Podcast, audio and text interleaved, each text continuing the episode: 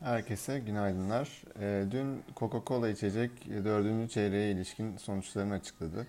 Ee, burada e, net kâra baktığımız zaman 163 milyon TL'lik bir net zarar rakamı var dördüncü çeyrek için.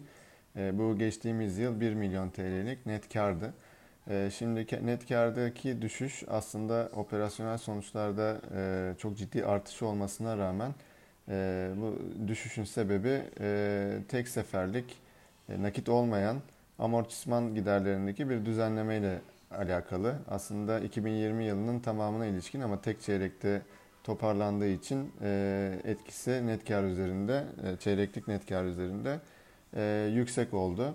Bu kalem nedeniyle aynı zamanda piyasa beklentilerinin de altında kalmış oldu bu zarar rakamı.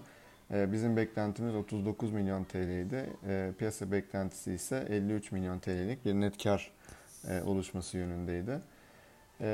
Ancak operasyonel sonuçlara baktığımız zaman FABÖK rakamı aslında piyasa beklentilerinin hafif, hafif üzerinde. Bunun sebebi de birim gelirlerin daha yüksek gelmiş olması. Çünkü şirketin zaten hacim datası Ocak ayı içerisinde açıklanmıştı. E, ama ciro e, satış gelirleri yani e, dördüncü çeyrekte piyasa beklentisinin ve bizim beklentimizin üzerinde gerçekleşti. Bu sayede de e, Fabrik rakamı 504 milyon TL ile e, piyasa beklentisi olan 486 milyon TL'nin e, üzerinde oluşmuş oldu. E, şimdi ileriye doğru baktığımız zaman şirket kendi beklentilerini açıkladı 2021 yılına ait.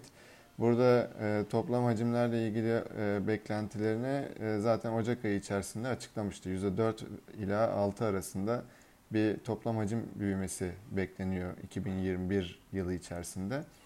E, şimdi e, şirket daha çok operasyonel e, sonuçlara ilişkin beklentilerini e, belirtti. Buna göre e, yaklaşık olarak birim gelirlerde %15-20 arasında bir artış bekleniyor ve e, 2020 yılında e, elde edilen yüksek e, karlılığın e, her ne kadar bazı maliyet kalemleri yani bazı maliyet kalemlerine yapılan kesintiler e, geri dönecek olsa da e, birim gelirlerdeki artışla e, karlılığın korunması bekleniyor 2021 yılında.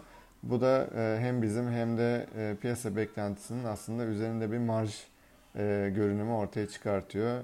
E, 2020 yılında fabrik marjı 21.6.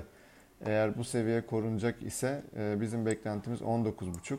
E, Bloomberg konsensusuna göre de 19.4'lük bir beklenti var. E, buna göre e, yaklaşık olarak fabrik rakamı e, tahminlerin %10 üzerine gerçekleşecektir. Şu an için hedef fiyatımız olan 85 lirayı koruyoruz. Ancak e, şirketin beklentileri bizim hedef fiyatımıza ve değerlememize e, yukarı potansiyel sunmaktadır. Sonuçları olan ilk tepki negatif olabilir ancak e, hem operasyonel sonuçların kuvvetli olması hem bu net zararın e, gerçekleşmesindeki en büyük etkinin e, hem nakit olmayan ve tek seferlik bir gidere e, bağlı olması hem de güçlü e, 2021 beklentileri nedeniyle ben bu satışların çok kısa süreceğini e, ve e, hissenin tekrar yukarı trendine devam edeceğini düşünüyorum. Herkese iyi günler.